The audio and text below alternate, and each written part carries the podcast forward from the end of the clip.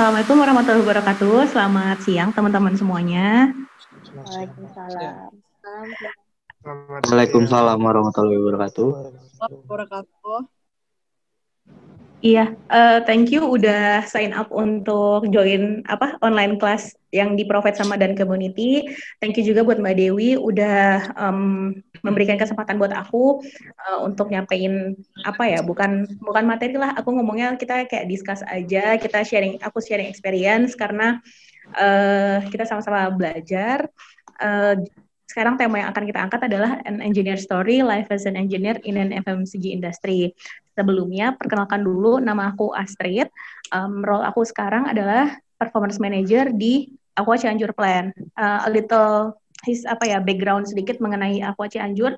Jadi uh, Danon Indonesia dalam hal ini Aqua itu punya uh, sekarang totalnya sudah ongoing 21 pabrik ongoing 21 pabrik yang ada di empat region di seluruh Indonesia. Region satu itu adanya di Sumatera.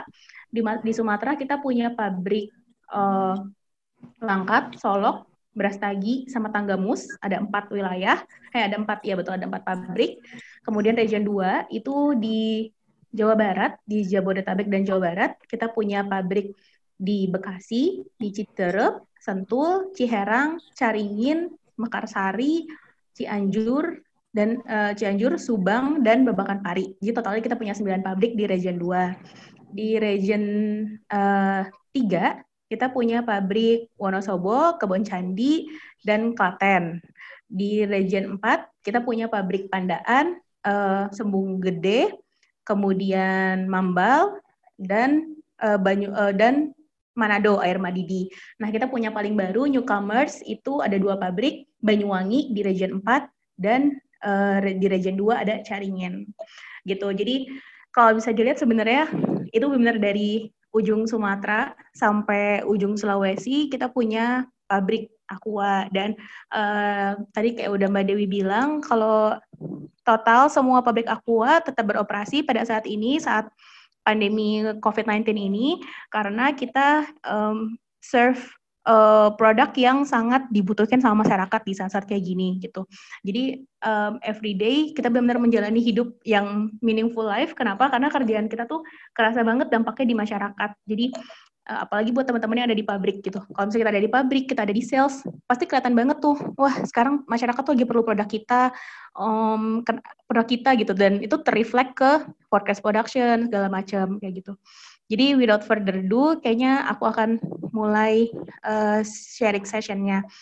Kita akan sharing sampai jam 3 ya kayaknya. Jadi nanti uh, di akhir sesi teman-teman freely boleh uh, discuss, boleh tanya jawab sama aku gitu. Oke, okay. uh, nah ini aku mau starting off dengan sebuah background dulu gitu, sebuah background. Jadi dari uh, hasil riset ternyata total number of Indonesian women yang representing di engineering fields itu cuma 5%. 5% berarti 95%-nya adalah laki-laki ya yang ada di engineering fields. Padahal ini engineering fields yang dimaksud adalah uh, profesi keengineeringan atau profesi ke profesi keinsinyuran yang diambil oleh eh, wanita-wanita uh, tersebut gitu ya. Padahal secara gender parity index, jadi itu merefleksikan rasio male to female engineering student di Indonesia itu tuh gapnya nggak terlalu jauh. Jadi 1,03 rasio untuk um, apa namanya uh, laki-laki ke perempuan gitu ya, male to female. Jadi setiap ada 1,03.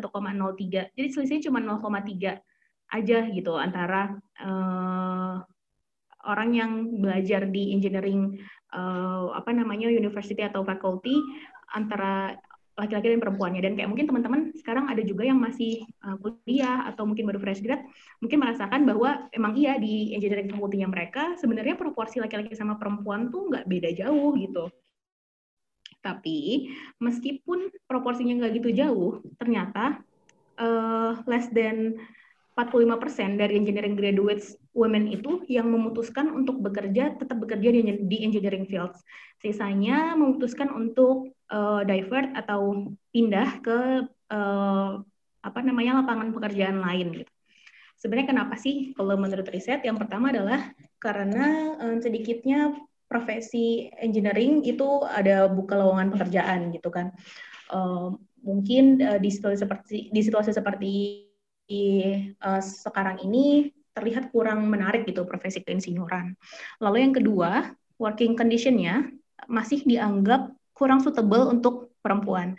Padahal seperti yang kita tahu, eh, kalau eh, dalam pendapat pribadi aku sendiri ya, nggak ada tuh yang namanya working condition yang kurang suitable untuk perempuan. Karena kayak uh, itu apa ya, kalau kita agak nyinggung sedikit, sebenarnya adalah bentuk framing patriarki bahwa working condition seperti ini tuh cocok untuk perempuan, working condition seperti ini cocok laki-laki. Padahal semua working condition itu sebenarnya cocok untuk both genders. Tinggal masing-masing genders itu aja uh, menyikapinya bagaimana gitu kan. Jadi baik pekerjaan ke yang bersifat di dapur, misalnya kayak chef segala macam itu cocok kok suit untuk buat gender laki-laki perempuan cocok kerja di situ. Uh, supir forklift cocok kok laki-laki perempuan kerja di situ. Kayak nggak ada sebenarnya gender gender bias atau kayak gender yang mengkotak-kotakan gender antara working uh, satu working condition itu cocok untuk gender apa gitu kan.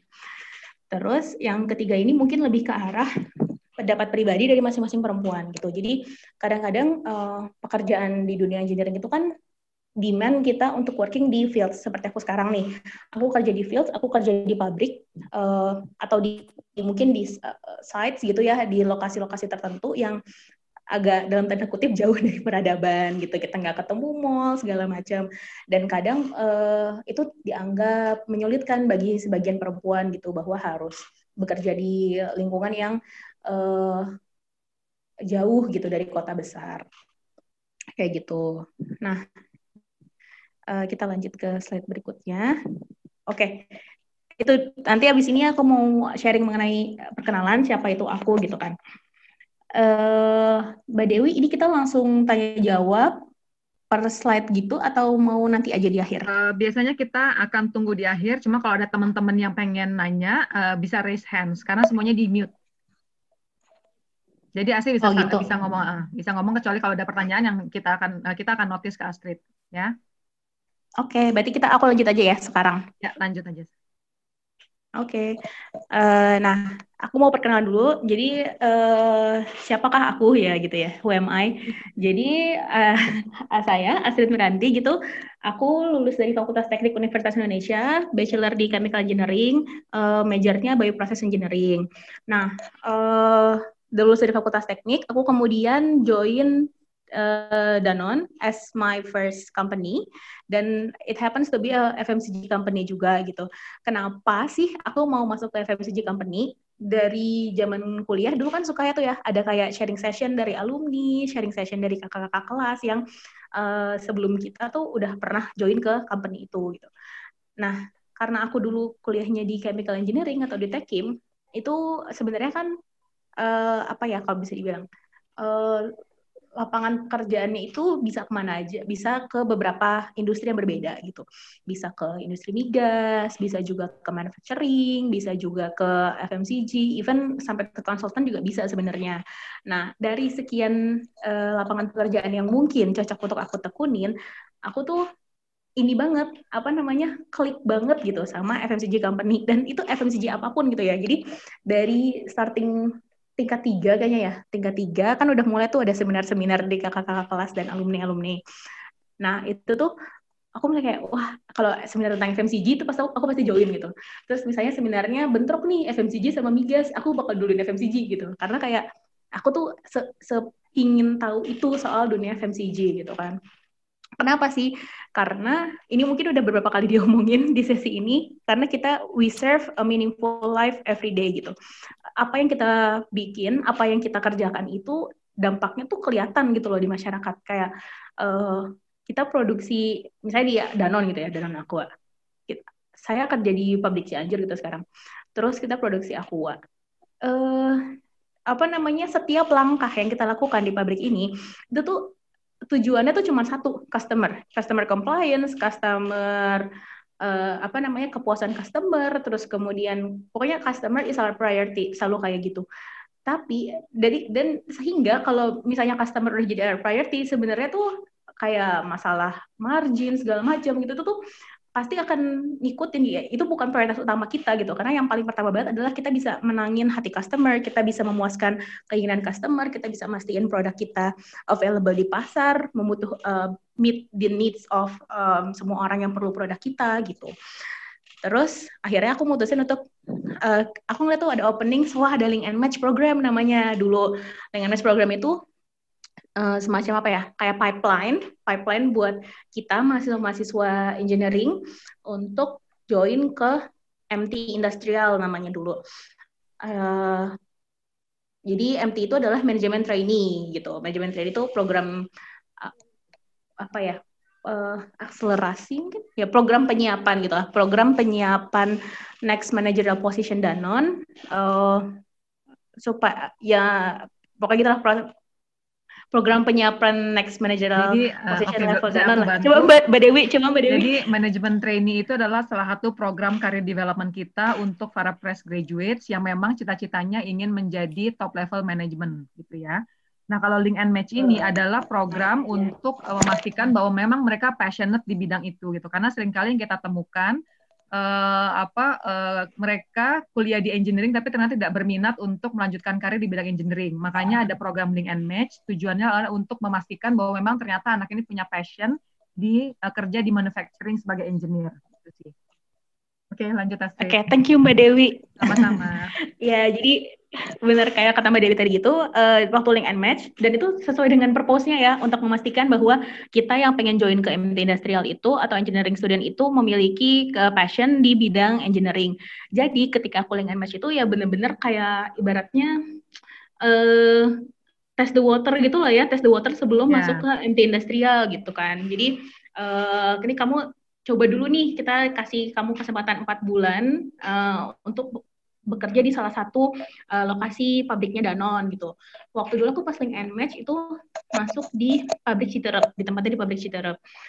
Dan uh, apa namanya ternyata join link and join link and match itu adalah salah satu hal yang aku nggak pernah misalnya nih aku ya aku sekarang nih di masa depan aku nggak akan regret keputusan aku join link and match waktu dulu gitu kenapa karena uh, itu benar-benar eye opening banget buat aku gitu kan jadi waktu ceritanya waktu zaman kuliah pengen masuk dunia teknik, pengen masuk FMCG gitu-gitu tuh nggak kebayang kerjanya tuh bakal ngapain sih. Terus uh, apa?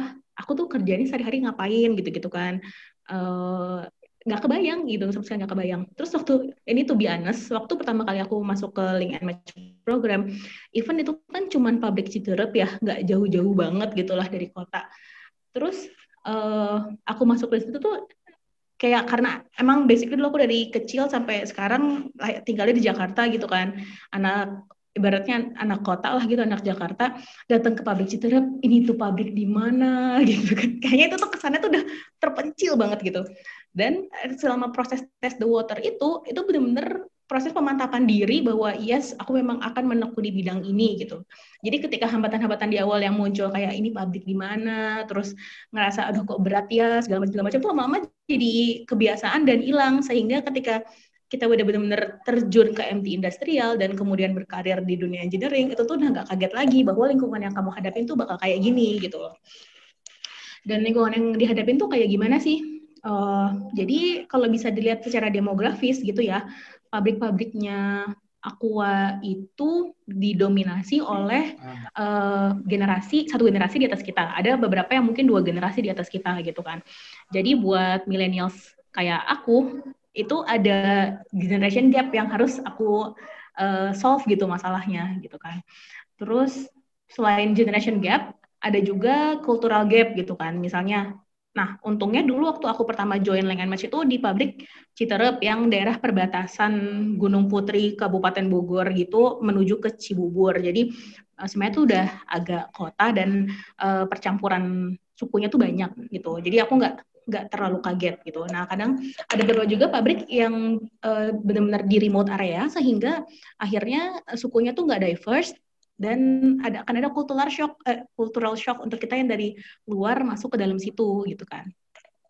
Nah, waktu dulu aku mungkin cerita dikit kali ya. Waktu Link and Match itu aku projectnya ngapain. Jadi waktu Link and Match kita dikasih project uh, four month uh, project di mana project itu nanti di akhir periode link and match akan dipresent ke VP-nya Danone Aqua. Itu debak banget kan.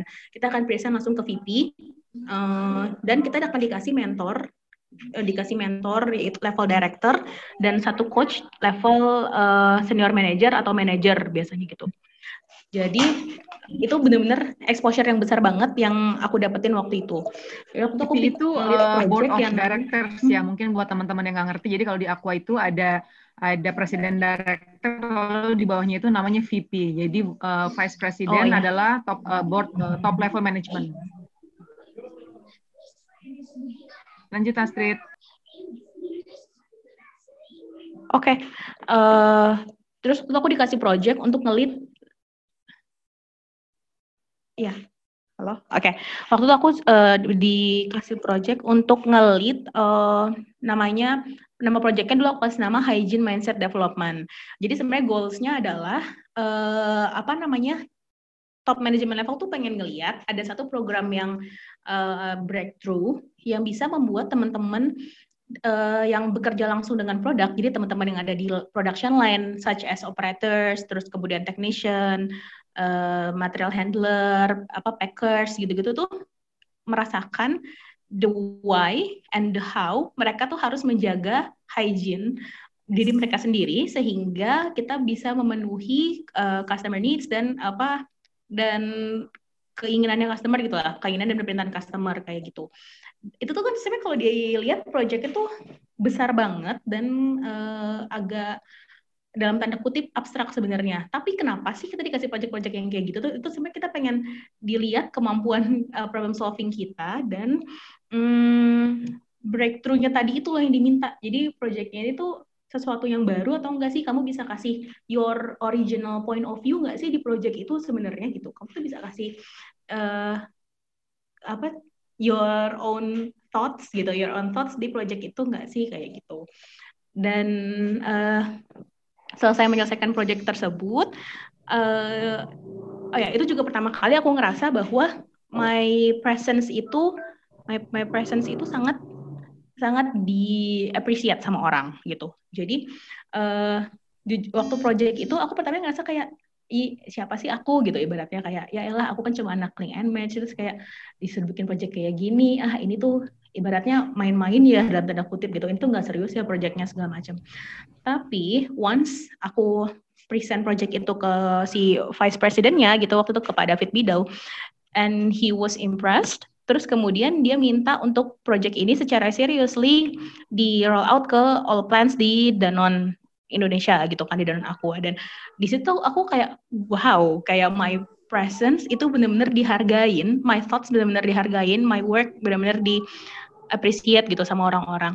Dan uh, ketika dia ngomong gitu itu real bener-bener bener-bener orang-orang tuh mencoba untuk implement apa yang aku pikir apa yang aku lakukan di project aku gitu loh di pabrik mereka masing-masing. Terus itu kayak wah ini benar-benar a place to grow gitu. Kalau mungkin hashtagnya Danon atau kayak itu pernah eh, bangga kerja di Danon gitu. Nah, itu Danon itu benar-benar membanggakan banget buat aku kerja di sini. Kayak emang really a place to grow gitu. Nah, lulus link and match dengan uh, apresiasi yang cukup baik gitu dari Pak David waktu itu. Terus aku lanjut di MT Industrial. Nah, waktu di MT Industrial itu sistem tetap sama. Jadi per empat bulan kita harus present project, projectnya yang meaningful lagi, terus uh, kayak engagement dengan teman-teman tim di pabrik sangat dinilai, kita tetap harus present ke Pak David, ke VP gitu, setiap empat bulan sekali, dan uh, kita tetap dikasih mentor yang uh, levelnya director dan coach yang levelnya manager atau senior manager. Kayak gitu. Terus selama dari kan aku di Citerep ya di pabrik Citerep waktu dengan match. Waktu MT Industrial selama setahun periodenya itu aku juga tetap di master di pabrik Citerep gitu. Nah eh, selama di pabrik Citerep pun setiap empat bulannya itu tuh aku selalu dikasih challenge project yang berbeda-beda gitu. Misalnya kayak empat bulan pertama challenge project aku waktu itu eh, reduce reject. Ya betul reduce reject. Terus empat bulan berikutnya uh, aku di challenge lagi bisa nggak kamu ngehandle more than satu satu apa namanya satu area gitu jadi kalau di pabrik biasanya kita pabrik yang besar terutama Citra tergolong pabrik salah satu pabrik yang besar itu punya beberapa production area gitu. So, aku di challenge bisa nggak kamu ngehandle more than satu project area di buat tempat project kamu gitu kan? Eh more than satu production area sorry untuk tempat project kamu. Terus akhirnya aku waktu itu uh, project berikutnya adalah spare part mm, protein management kalau nggak salah. Jadi itu ngelibatin beberapa cross functional department. Jadi as you go into another level of MT industrial tadi, kamu tuh dikasih peran yang lebih besar gitu loh. Kayak nih kamu test the water dulu di link and match. Terus kemudian oke okay, kamu kita expand ya. Oh kamu kayaknya bisa dapat channel lebih kita expand lagi kita expand lagi kayak gitu. Dan itu bener-bener real banget real banget ditunjukin oleh Danone bahwa mereka berusaha mengembangkan Danoners yang kita sebut Danoners itu employees gitu our employees secara terus menerus gitu kalau orangnya menunjukkan bahwa dia pengen berkembang lagi dan dia bisa di challenge more, pasti dia bakal dikasih kesempatan untuk stretch, stretch, stretch kayak gitu. Stretch ya bukan stress gitu. Walaupun setiap stretch itu kita pasti stress jadi gitu. Terus eh, tadi situ kayak yang kedua. Nah, eh, akhirnya selesai MT aku tahun 2018 eh, aku dikasih kesempatan. Oh ya, jadi kalau teman-teman bayangin kan nama judulnya ini engineering ya, uh, Introduction to Engineering, Engineering Women gitu. Nah, um, apa namanya engineering yang aku lakukan itu bukan engineering yang kayak anak uh, sipil misalnya yang rancang bangun atau anak teknik mesin gitu kan, yang rancang apa namanya rancang parts spare parts gitu enggak. Jadi karena background aku dulu chemical engineering yang aku tekunin sekarang adalah lebih banyak ke data dan mungkin teman-teman teknik industri kalau ada yang join itu kurang lebih kita ininya agak sama. Jadi pekerjaan aku tuh agak bersinggungan juga dengan yang teman-teman eh, teknik industri pelajarin waktu kuliah gitu. Nah eh, kita punya salah satu departemen di operation. Jadi Aqua itu kalau dilihat secara besar kan ada yang namanya operation, terus di dalam operation itu ada uh, operation tadi di lead oleh Pak David Bidau tadi Vice President Operation, terus kemudian di bawahnya ada industrial, ada supply chain, ada industrial supply chain, engineering and technovation, and then ada uh, performance gitu. Performance itu operational excellence nama nama departemennya gitu. Nah, kalau yang teman-teman pikir kayak engineering yang anak sipil mau rancang bangun uh, apa namanya pabrik, terus habis itu anak teknik mesin yang mau nge-review, kita mau nambah uh, mau nambah mesin nih, mau nambah line, mesin yang digunakan apa aja segala macam. Nah, itu tuh tempatnya di engineering and technovation gitu. Mereka di situ. Kalau misalnya aku uh, di industrial, uh, fokus mainnya adalah operating uh, di daily operation of the pabrik gitu kan. Nah, the pabrik itself, masing-masing pabrik itu punya um, apa namanya departemen-departemen lagi.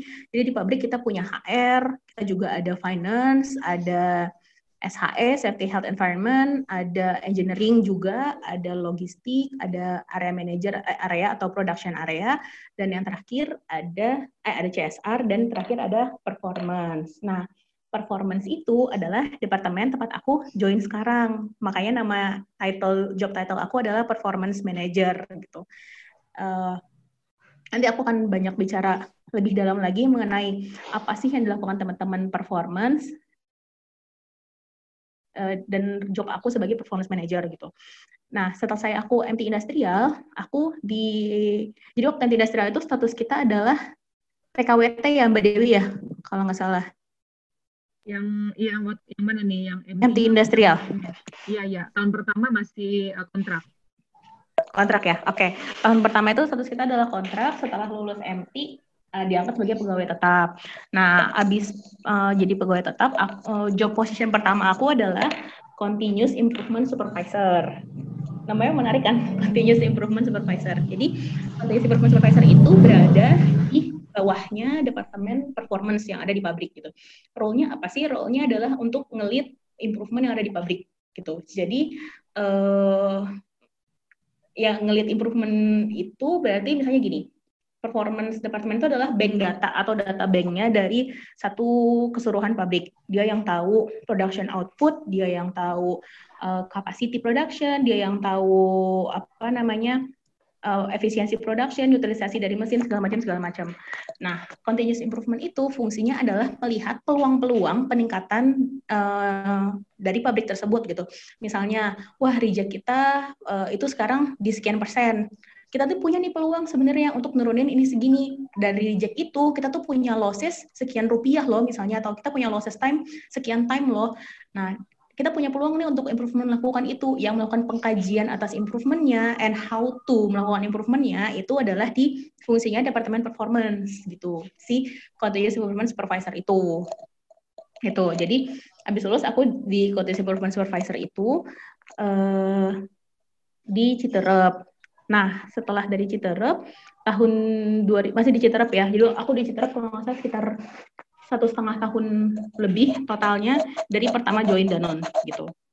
Di situ aku dapat tawaran untuk uh, pindah ke pabrik Cianjur. Nah, di pabrik Cianjur aku dapat challenge lebih sebenarnya. Jadi waktu itu posisi performance manajernya kosong, terus aku dapat challenge untuk mengisi kekosongan posisi tersebut gitu. Again, uh, apa namanya Danon sangat memperhatikan bahwa memperhatikan employees-nya yang um, apa namanya ingin stretch more, jadi kita dikasih challenge more. And at the moment, aku langsung gak pikir panjang, langsung pengen mengiyakan gitu kayak iya ya aku pengen banget ke pindah ke Cianjur. Even though konsekuensinya adalah aku bakal pindah nih ke pabrik lain yang posisinya lebih remote daripada Citerep gitu. And I'm okay with that karena nggak mm, apa-apa juga sih maksudnya ya itu salah satu hal yang menjadi konsekuensi dari uh, challenge lebih yang akan aku alamin kayak gitu. Jadi starting 2019 bulan Februari April. Jadi starting 2019 bulan April aku pindah ke Aqua Cianjur uh, as a OJT atau on the job training dari performance manager dan kemudian secara resmi menjadi performance manager. Gitu. Nah, ini aku mau nunjukin sedikit meme gitu ya sedikit meme. Jadi ada orang pernah bilang engineer is a person who marry problem gitu kan. Mungkin ada beberapa teman-teman yang kuliahnya di engineering uh, sekarang atau mungkin fresh graduate engineering yang join uh, sharing ini bahwa memang benar setiap hari waktu kuliah yang kita hadapin adalah problem dan problem itu even bukan problem kita gitu kan. Kita dikasih serangkaian pertanyaan, tolong solve this problem dan ya sepusing itu gitu. Jadi benar bahwa orang yang memutuskan untuk berkarir di dunia engineering adalah seseorang yang memutuskan untuk menikahi masalah gitu ya. Nah, dan itu Iya, dan di bawahnya aku masukin foto ini apa namanya uh, safety shoes sama heels gitu. Jadi ketika kamu mutusin untuk join ke dunia engineering kayak jangan harap kamu bisa masuk kerja dengan pakaian eh, dengan sepatu cantik gitu. Atau mungkin bisa sebenarnya kamu masuk kerja dengan sepatu cantik nanti pas sampai office sepatunya dicopot diganti safety shoes untuk tour keliling-keliling pabrik gitu. Jadi uh, itu adalah another another uh, challenge mungkin yang akan kita hadapin sebagai women yang memutuskan untuk masuk ke dunia engineering gitu. Dan ini ada meme yang menarik juga kalau misalnya apa namanya engineering yang aku tekunin ini adalah dunia engineering yang aku tekunin ini adalah bukan dunia engineering yang society thinks aku lakukan atau mungkin yang teman-teman lain non engineering aku pikir mereka pikir aku lakukan gitu. Aku nggak bangun pabrik dan ibuku juga aku nggak bangun apa namanya uh, pesawat atau atau roket seperti yang ibuku pikir tapi yang jelas-jelas aku pikirin adalah aku pusing banget kayak gambar bapak-bapak yang ini pusing banget dan yang sebenarnya aku lakukan adalah aku mengolah data gitu. Jadi engineering uh, engineering apa namanya ya engineering ya eh, bagian engineering yang aku lakukan adalah aku meng mengolah data, memberikan suggestion bahwa uh, di, di line production ini kita mengalami keborosan, kita mengalami loss sekian sekian sekian, kita harus melakukan improvement A B C D E F G, terus secara daily mereview dan mereport dan etc etc etc gitu. Jadi sebenarnya pekerjaan uh, engineering di bagian performance ini lebih banyak ke data analysis kayak gitu. Tapi engineering di depan uh, di, uh, uh, engine uh, sipil yang lainnya bisa melakukan pekerjaan ini nggak, Trit? Oh, bisa banget, Mbak. Sebenarnya sih uh, kalau yang anak teknik industri sama teknik kimia mungkin banyak nih uh, udah sering waktu kuliah melakukan hal yang aku lakukan sekarang. Tapi sebenarnya kalau anak kayak teknik sipil, teknik elektro pun bisa kayak nggak jadi masalah gitu. Uh, apa namanya? Karena um, tapi mungkin apa ya nggak nggak custom gitu aja sih kayak nggak terlalu biasa untuk melakukannya gitu kan karena uh, aku nggak terlalu berkenaan dengan software-software desain kayak anak sipil gitu misalnya terus hmm. uh, kayak gitu-gitu sih nggak terlalu gitu kan nggak bikin permodelan gitu-gitu juga nggak terlalu tapi lebih banyak ke ngolah data kayak Excel based gitu aja sih sebenarnya gitu. Oke. Okay. Oke, okay, nah ini aku coba ngejelasin job role aku sekarang gitu ya. Jadi as a performance manager sebenarnya uh, tujuannya apa ya uh, role aku apa sih gitu kan? Role aku adalah untuk drive plan performance in, uh, secara komprehensif increasing uh, secara SQCDMA gitu. Comprehensively increasing SQCDMA wise. Jadi kalau teman-teman bisa nanya mungkin ini nggak asing banget nih semua istilahnya plan performance, SQCDME gitu. Itu apa sih gitu. Jadi kita di Danone itu punya namanya Danone Management Way atau Damawe disingkatnya dan itu uh, common practice yang kita tetapkan di yang kita lakukan di pabrik kita. Misalnya kayak Astra. Astra tuh juga punya kayak common practice yang mereka lakukan semacam uh, method untuk mereview performance mereka tapi aku lupa detailnya namanya apa kalau Japanese tuh biasanya kaizen gitu-gitu kayak semacam kaizennya gitu tuh kita sebutnya di Danone adalah uh, Damawe dan di salah satu pilarsnya dari Damawe adalah namanya SQCDME. SQCDME itu singkatan sebenarnya Safety, Quality, Cost, Delivery, Motivation, and Environment. Jadi tujuan utama dari performance manager adalah uh, role utamanya adalah untuk mendrive atau menggerakkan performance pabrik sehingga bisa meningkat secara menyeluruh dalam segi safety, quality, cost, delivery, motivation, and environment. Kelihatan banget kan? Jadi sebenarnya kalau beberapa beberapa kepala pabrik bahkan ada yang suka ngomong gini ke aku performance manager itu harusnya tangan kanannya kepala pabrik gitu jadi apa pun uh, kepala pabrik pengen bertindak performance manager bisa memberikan uh, pendapatnya itu dari hasil data yang mereka punya gitu. Oh kita tuh punya losses di sini sini sini pak. Kita tuh harus melakukan saving di sini. Daerah sini belum kesentuh. Daerah sini tuh performance-nya sudah turun sejak berapa minggu terakhir dan sebagainya. Kayak gitu.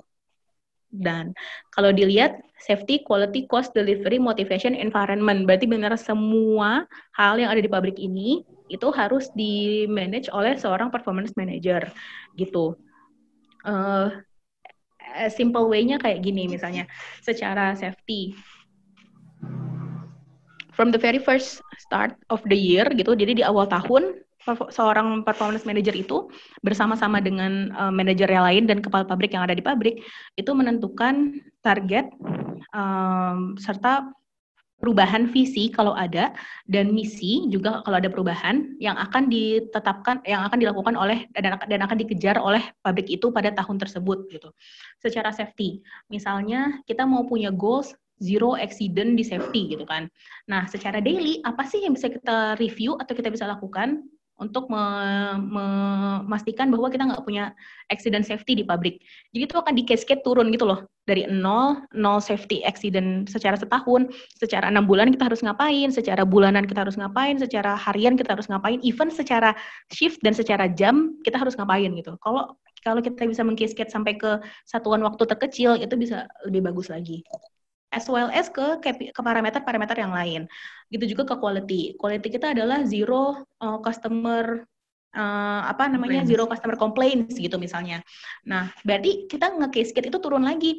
Secara tahunan kita harus zero customer complaints-nya. Secara enam bulanan kita harus ngapain, secara bulanan harus ngapain, harian, per shift maupun per jam kayak gitu. Dan itu di cascade uh, sampai ke semua level yang ada, eh, semua level dan semua departemen yang ada di pabrik. Misalnya teman-teman di area secara per jam operator harus memastikan bahwa uh, apa namanya tidak ada volume kurang produk kita yang kebawa ke produk akhir, ke karton produk akhir untuk dibawa ke customer gitu. Sesimpel itu misalnya. Dan pokoknya itu di semua parameter sampai ke cost sampai ke delivery motivation even environment juga kita lakukan.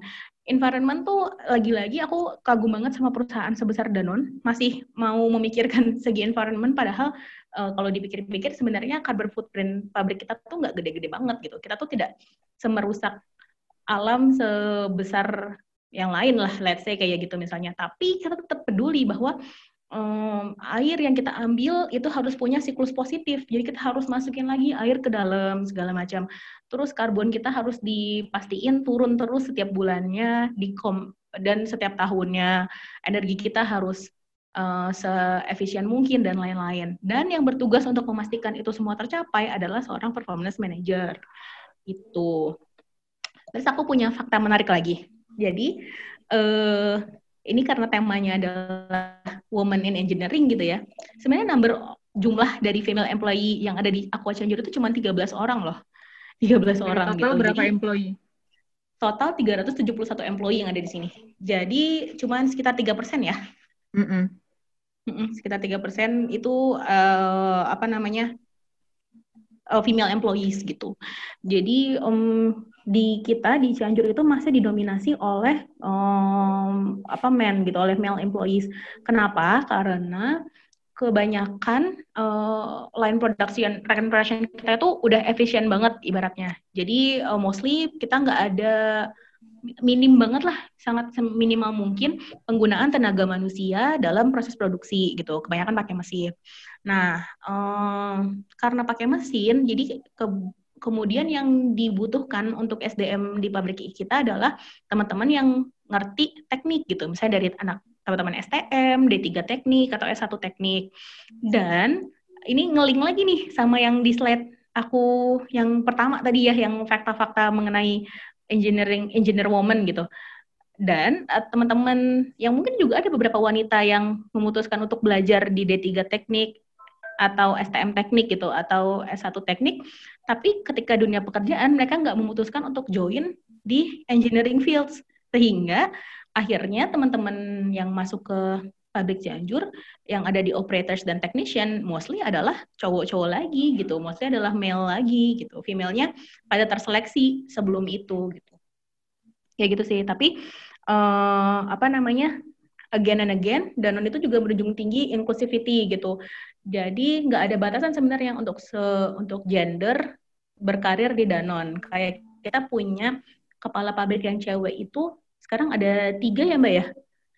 Region 2 Coba mungkin Mbak Dewi kalau ada data yang baru, tapi setahu aku ada tiga. Region 2 kita punya Bekasi dan Sentul yang kepala pabriknya perempuan.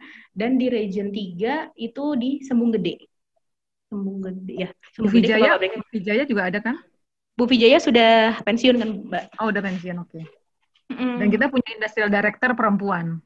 Yes, dan industrial director region 2 itu perempuan gitu. Jadi uh, sama sekali nggak ada batasan gender untuk berkarir di Danone, even sampai ke top level GM kita even perempuan gitu.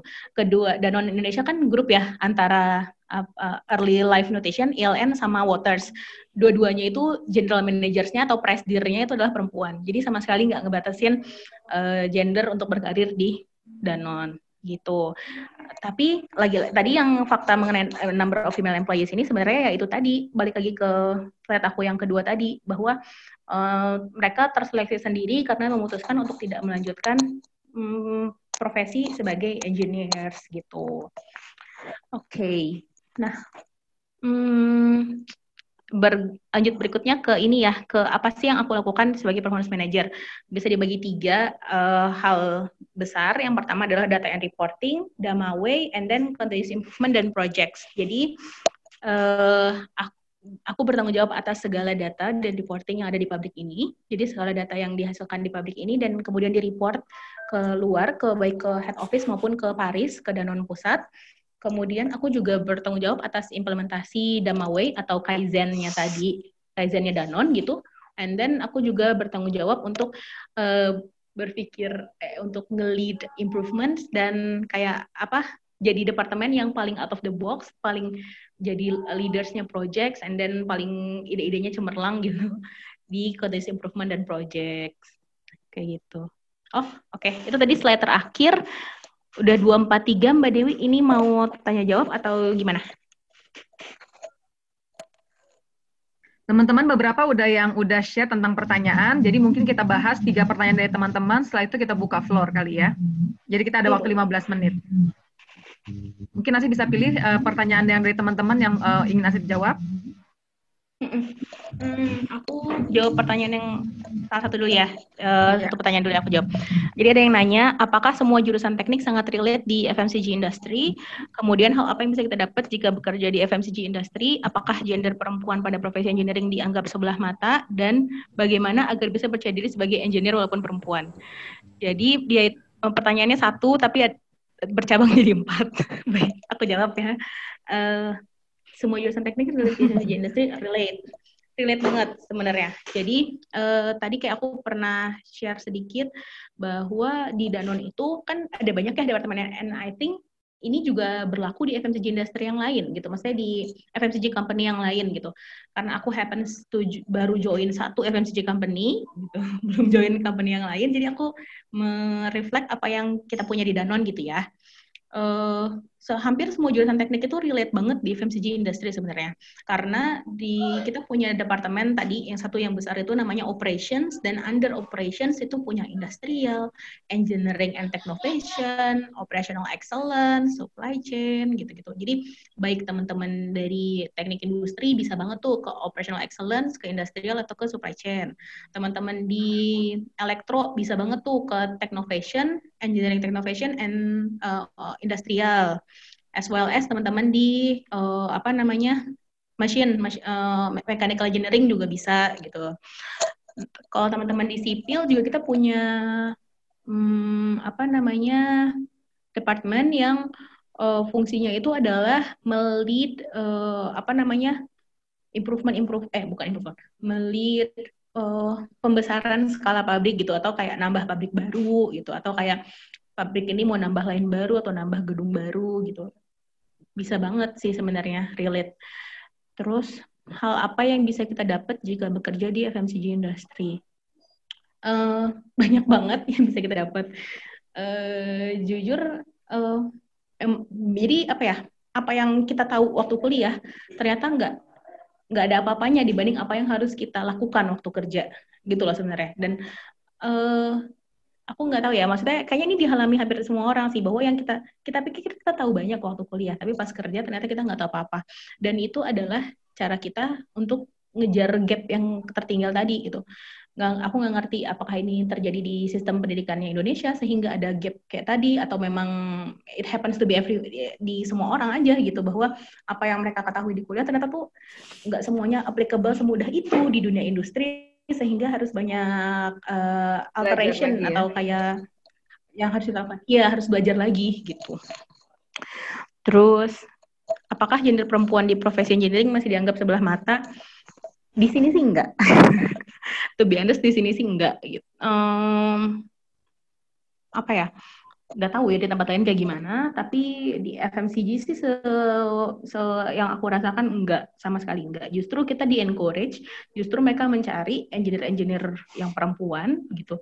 Justru hmm, perusahaan sangat menghargai engineer-engineer perempuan. Gitu. Bagaimana agar bisa percaya diri sebagai engineer walaupun perempuan? Kayak there's nothing to be ashamed of being an engineer enggak sih? aku nggak ngerti bagaimana agar bisa percaya diri sebagai engineer walaupun perempuan ya. Kayak menjadi engineer aja kita harus udah bangga despite the gender kamu perempuan kamu laki-laki. As an engineer aja kamu harusnya udah bangga gitu kan. Uh, dan menjadi engineer meskipun perempuan bukan hal yang memalukan kalau menurut aku. Jadi harusnya kita percaya diri percaya diri aja gitu. Bahkan kita bisa menembus batas-batas gender yang mungkin dicoba di-create sama society gitu bahwa kayak yang namanya engineer itu harus bersikap gagah, harus gini, harus gitu gitu. Enggak kok seorang engineer bisa pakai lipstick dan tetap cantik ke kantor gitu. Walaupun pakai safety shoes biar aman gitu. Enggak bisa pakai heels.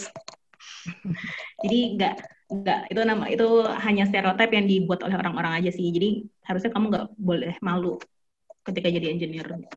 Jadi don't, let your gender uh, define you ya. Betul, betul. Don't let your gender defines you gitu. Jadi meskipun kita jadi engineer tetap nggak mesti berarti harus kumal, terus nggak mandi atau gimana ya enggak lah kan. ya meskipun kita perempuan kita jadilah jadilah perempuan tapi jadilah engineer di profesi kamu gitu ya itu bukan suatu hal yang ini ya sih yang berkorelasi gitu ya gitulah Uh, tadi aku tanya apa lagi ya? Oh ini ada yang bagus nih. What is your biggest and most valuable challenge in FMCG so far? And how does it affect you until you choose to still working in Danone atau dalam kurung FMCG company? Uh, tadi aku kayak udah sempat mention my biggest and most valuable challenge. Sebenarnya aku yakin bahwa sampai saat ini challenge itu tuh pasti akan terus bertambah. Jadi ketika uh, apa ya, yang my biggest challenge adalah role aku sekarang gitu. Jadi makin makin makin lama makin lama pasti challenge-nya tuh makin big makin big makin big gitu kan. Uh, jadi so far biggest and valuable challenge adalah di roleku saat ini gitu. And how does it affect you? Uh, karena di roleku yang sekarang aku ngerasa aku membuat um, apa ya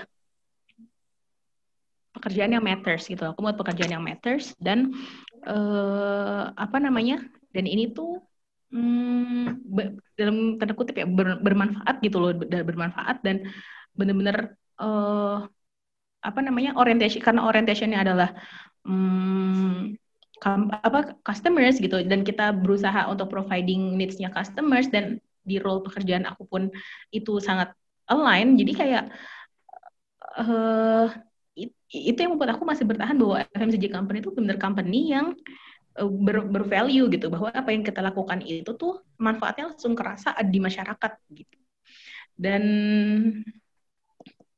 ya itu sih dan di FMCG company ini ya ngelingin dengan tema kita sebagai tema session ini gitu ya engineer as a woman benar-benar terasa dihargain banget gitu di di perusahaan FMCG perempuan itu tuh nggak dipandang sebelah mata dan dia tuh engineer tuh malah kita di encourage gitu sebagai uh, as an engineer woman. Hmm, oh ini nih ada satu lagi yang pertanyaannya milenial banget. How the work cycle as an engineering in FMCG industry and how to adapt in FMCG industry especially in social life. Oke, okay, jadi uh, work cycle. Hmm, aku rasa malah FMCG company itu work cycle-nya terbilang yang uh, better atau lebih sehat dibandingin industri-industri lain gitu. Let's say kamu kerja di konsultan gitu kan. Bayangin itu tuh uh, work cycle-nya bener-bener blast kayak ya ke mix up aja antara pekerjaan jam bekerja dengan jam istirahat antara jam istirahat dipakai kerja jam kerja dipakai istirahat gitu kayak bener-bener waktu kamu tuh akan kasih banget di pekerjaan gitu di justru di FMCG industry itu kita tuh uh, punya apa ya namanya punya work life balance yang cocok meong banget gitu. Kalau teman-teman yang kerja di HO itu kan uh, apalagi ya misalnya di head office kerjanya itu tuh uh, mereka difasilitate dengan beberapa fasilitas dari Danone yang memastikan bahwa mereka tetap punya work life balance. Dan jangan sedih juga shy untuk teman-teman yang kerjanya di industri atau di pabrik. Itu social life kita juga nggak ketinggalan kok. Karena pabrik itu kan masuknya jamnya ini banget ya strict banget gitu loh. Misalnya 8 to 5 kita masuk jam 8 pulang jam 5. Kalau misalnya nggak ada uh, pekerjaan mendesak yang membutuhkan kita, yang membutuhkan kehadiran kita untuk bekerja extra time ada di kantor, maka jam 5 thanks kita bisa pulang. Jam 5 udah pulang, kamu masih punya kesempatan waktu banyak banget buat hangout gitu. Terus besok paginya kamu punya rutin yang jelas gitu loh. Oke, jam 8 pagi aku harus sampai kantor. Jadi kamu akan tetap jadi uh, akan punya jam biologis yang sehat gitu loh. Karena kan kayak waktu tidurnya nggak nggak terganggu kayak gitu. Paling uh, ya ketika apa namanya ketika ada pekerjaan yang harus diselesaikan uh, ya kita misalnya tipe pekerjaanku pun bisa di take home gitu loh. Kayak yaudah kita bawa aku bawa aja kan bawa laptop ke rumah pasti atau ke kosan tiap hari. Ya sambil malam sambil sambil sambil nonton drakor sambil kerja. Jadi kayak masih balance lah dan balance-nya tuh balance banget lah bahkan gitu. Jadi secara social life nggak terganggu banget. Justru ini adalah engineering fields yang paling membahagiakan kalau menurut aku di FMCG gitu. Ada eh bentar ada chat. Oh ada yang Mbak ada yang nanya di chat, aku jawab juga aja kali ya? Ya langsung aja uh, kalau. Oke, okay. hmm, ada yang nanya boleh sharing nggak tips and trick untuk gabung di MT program Danon? Oke, okay. tips and trick. Hmm, gimana ya? Oh, Oke, okay. aku coba jawab ininya aja kali ya. Uh, mungkin nanti Mbak Dewi bisa tambahin yang yeah. sekarang di dicari oleh uh, teman-teman HR-nya Danon untuk teman-teman yang akan join MT program itu apa. Tapi dulu waktu aku join MT program itu, hmm, sebenarnya aku nggak ngerti sih ada tips tips dan trik yang spesifik atau enggak gitu. Tapi yang selalu aku lakukan setiap kali interview bukan di setiap tahapannya adalah just being just being honest gitu. Just represent apa yang benar-benar apa apa siapa itu aku dan apa yang pengen aku lakukan. Uh, gitu sih. Terus uh, jangan takut untuk di challenge lebih. Karena ketika kamu udah join ke MT program kamu udah pasti bakal dikasih challenge-challenge yang banyak banget Mungkin Mbak Dewi bisa nambahin kali untuk mengenai tips and trick gabung di MT program. Oke, okay, uh, ada good news kebetulan uh, baru kita decide kemarin bahwa tahun ini uh, di bulan Agustus kita akan buka lagi manajemen trainee program uh, dan kita akan buka mulai minggu depan gitu ya. So stay tune di dan community uh, tentang opportunity yang ada. Uh, tapi kalau tadi uh, ingin menjawab pertanyaan apa sih sebenarnya yang kita lihat gitu ya? Uh, sebenarnya yang kita lihat itu adalah uh, kita tahu bahwa kalian tuh fresh graduate, jadi mungkin pengalamannya belum banyak gitu ya. Jadi yang kita fokusin adalah your potential. Sebenarnya apakah kalian bisa, uh, apakah kita bisa melihat your leadership dan kita bisa convince bahwa 10 tahun ke depan kamu akan menjadi leaders di Danone. Itu sih. Jadi uh, untuk menjawab itu ya kamu harus uh, apa just be yourself gitu ya. Uh, tunjukin apa yang hmm. kamu mau lakukan dan apa yang bisa kamu lakukan gitu. Tapi at the same time uh, kamu harus bisa menunjukkan bahwa kamu tuh memang punya potensi untuk bisa distress dan menjadi eh, pemimpin gitu ya. Karena ini adalah program yang uh, apa ya fast track. Artinya adalah kalau orang untuk menjadi manajer harus butuh lima tahun gitu ya. Kalau di uh, kalau di uh, manajemen training itu bisa dalam waktu 2 sampai tiga tahun.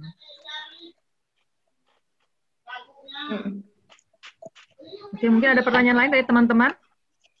Halo boleh Mbak, boleh nanya kalau ingin bertanya. Ya. Siapa tadi yang ingin bertanya? Boleh, Mbak. Ya, silakan. Uh, uh, selamat siang, Mbak. Perkenalkan saya Afid. Uh, da, kebetulan uh, saya juga salah satu peserta MT, program peserta program MT di salah satu perusahaan.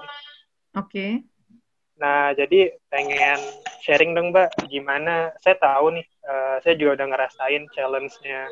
Saya baru masuk ya, saya baru masuk di perusahaan ini, ngejalanin program MT, dan benar-benar challenge-nya itu berasa banget tuh. Nah, saya pengen tahu dong cara Mbak Astrid bertahan gitu ya. Bertahan menghadapi challenge itu dan ya beyond the expectation dari Mbak Astrid sendiri gimana caranya? Itu deh sih Mbak. Oke, okay. uh, eh, cara bertahan dan beyond the expectation ya. Uh, kalau bertahan dulu mungkin ini kali ya. Kalau aku dulu ini kan beda-beda ya caranya masing-masing orang gitu. Kalau aku adalah aku pastiin bahwa objektif aku saat itu it, uh, yang aku lakukan saat itu masih meet the objektif yang aku mau untuk diriku lima tahun ke depan gitu.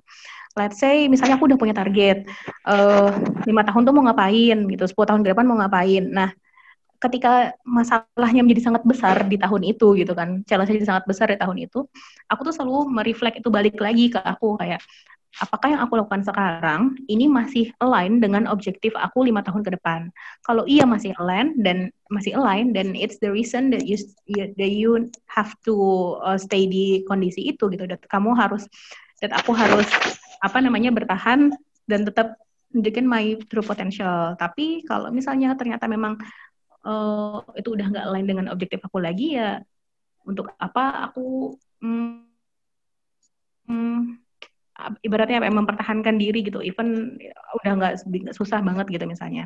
Dan untuk beyond expectation uh, aku selalu mencoba untuk build a good relation dengan coach dengan mentor dan dengan uh, eh, VP aku kalau bisa nanti gitu kan cara build relation tuh banyak banget. Bukan berarti bukan berarti kita jadi cari muka atau gimana. Enggak cara build relation kan bisa aja kayak uh, kita melakukan kayak one on one session dengan mereka. Terus atau kalau kita lagi ngajarin project tuh kita dapet uh, project itu maunya kayak gimana sih? And satu kita gitu atau coach kita tuh berharap kita um, mendeliver apa sih gitu.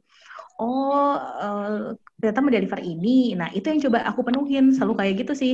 Dan setelah kayak gitu kan jadi akhirnya uh, baik itu trust maupun apa ya baik itu trust dan juga apa kemampuan aku kan akan terlihat sama mereka gitu. Jadi mereka akan berhubungan baik dengan aku gitu. Terus kemudian uh, aku bisa mendeliver apa yang mereka mau. Kalau yang aku lakukan gitu dulu. Ketika lagi MT ya mungkin memang kerasa berat banget sih cycle-cyclenya MT karena uh, kita dituntut untuk punya apa meaningful projects tapi uh, kita sebenarnya resources yang kita punya tuh nggak nggak sebanyak itu gitu. Nggak kayak teman-teman yang ada di nggak kayak teman-teman yang benar-benar punya misalnya nih area manager dikasih project nah kan area anak-anak buahnya pasti mau ngerjain karena itu bosnya yang minta gitu kan. Sedangkan aku ya siapa? Aku tuh aku tuh anak MT bukan bosnya mereka gitu kan. Bosnya bukan bosnya para operator dan teknisi. Jadi yang bisa aku lakukan adalah melakukan pendekatan personal ke mereka melakukan persuasi sehingga mereka mau mewujudkan apa yang aku mau. Kayak gitu kan pasti caranya. Gitu. Uh, terus mungkin semoga tadi bisa menjawab ya pertanyaannya iya mbak oke okay, mbak terima kasih mbak Oke, masih adakah lagi satu pertanyaan, Nasir? Kalau nggak kita tutup karena sini sudah jam 3. Mbak tadi ada nanya, tapi ini menarik banget soal oh, okay. plastic bottle waste. Ini okay. aku coba jawab. Ya. Jadi ada yang nanya um, bagaimana caranya Danon merespon plastik bottle waste yang diproduksi setiap hari dan komitmennya untuk isu ini. Terus ada beberapa sih yang nanya kayak gitu, bisa nggak ceritain gimana sih recycle botol PT Aqua gitu? Aku secara brief aja ya, secara singkat aku ceritain. Jadi uh, kita di Aqua itu punya kerjasama, punya salah satu bisnis unit yang namanya Recycle Business Unit atau RBU. Nah di RBU itu eh, apa namanya kita melakukan um, collection. Jadi dari hasil collection atau pengumpulan sampah itu di recycle jadi biji-biji plastik lagi yang kemudian itu dibawa ke Nama Sindo. Nama Sindo itu adalah salah satu perusahaan yang bikin uh, preform. Jadi kalau teman-teman tahu, botol aqua itu sebelum jadi botol dari preform dulu, preform terus kemudian dipanasin, ditiup dengan air dengan udara bertekanan, air bertekanan maksudnya, dengan pressure air, kemudian dia dimasukkan ke mold gitu kan ditiupnya di dalam mold sehingga berbentuk seperti botol aqua, kemudian diisi. Nah, preform preform tadi itu diproduksi sama satu salah satu perusahaan dan uh, kita mensuplai recycle botol-botol pecah apa namanya biji-biji plastik dari RDU ke sana. Nah, terus uh, di sana itu kita punya sebuah apa ya namanya kayak uh, perjanjian lah gitu bahwa uh, recycle produk kita tuh re recycle plastik itu harus ada dalam produk kita sebanyak persentase uh, 25%. Jadi ada yang 25%, ada yang 40%. Dan jadi komposisi recycle PET itu harus 40 25 sampai 40%, sisanya adalah virgin PET. Itu salah satu langkah Danon. Dan ada langkah lain yang lebih uh, masif lagi. Jadi kita uh, sudah ada salah satu pabrik di Region 3 di Pandaan, mereka sudah bisa bikin botol dari 100% recycle plastik. Jadi apa yang coba kita lakukan adalah kita collect plastik sebanyak-banyaknya, kemudian kita pastikan bahwa langkah bisnis kita punya satu komitmen yang jelas untuk menggunakan menggunakan plastik yang tadi kita kumpulin lagi dengan recycle PET tadi. Terus ada uh, salah satu pabrik di region 2 juga akan menjadi pilot pembuatan uh, botol yang 100% recycle tadi. Jadi dengan begitu bisa terlihat komitmennya Danon bahwa kita punya at least dua pabrik yang bisa bikin botol 100% recycle plastik. Gitu. Itu sih yang secara singkat mengenai eh, program-program uh, apa namanya dan uh, apa namanya respon Danon terhadap plastik bottle waste. Oke, jadi sebenarnya uh, yang di, jangan kita menyalahkan plastik botolnya gitu ya, karena memang itulah salah satu innovation yang mem mempermudah hidup kita. Cuma uh, bagaimana kita mengelola sampah itu adalah sesuatu yang memang masih PR bersama sih sebenarnya. Oke, uh, teman-teman, karena waktunya sudah jam 3, uh, mungkin kita sudahi sesi online kelas kita hari ini. Terima kasih banyak atas atensi dan dan apa uh, perhatian teman-teman semua dan juga terima kasih banyak untuk Asit yang udah sharing tentang pengalamannya bekerja sebagai seorang engineer di Danone.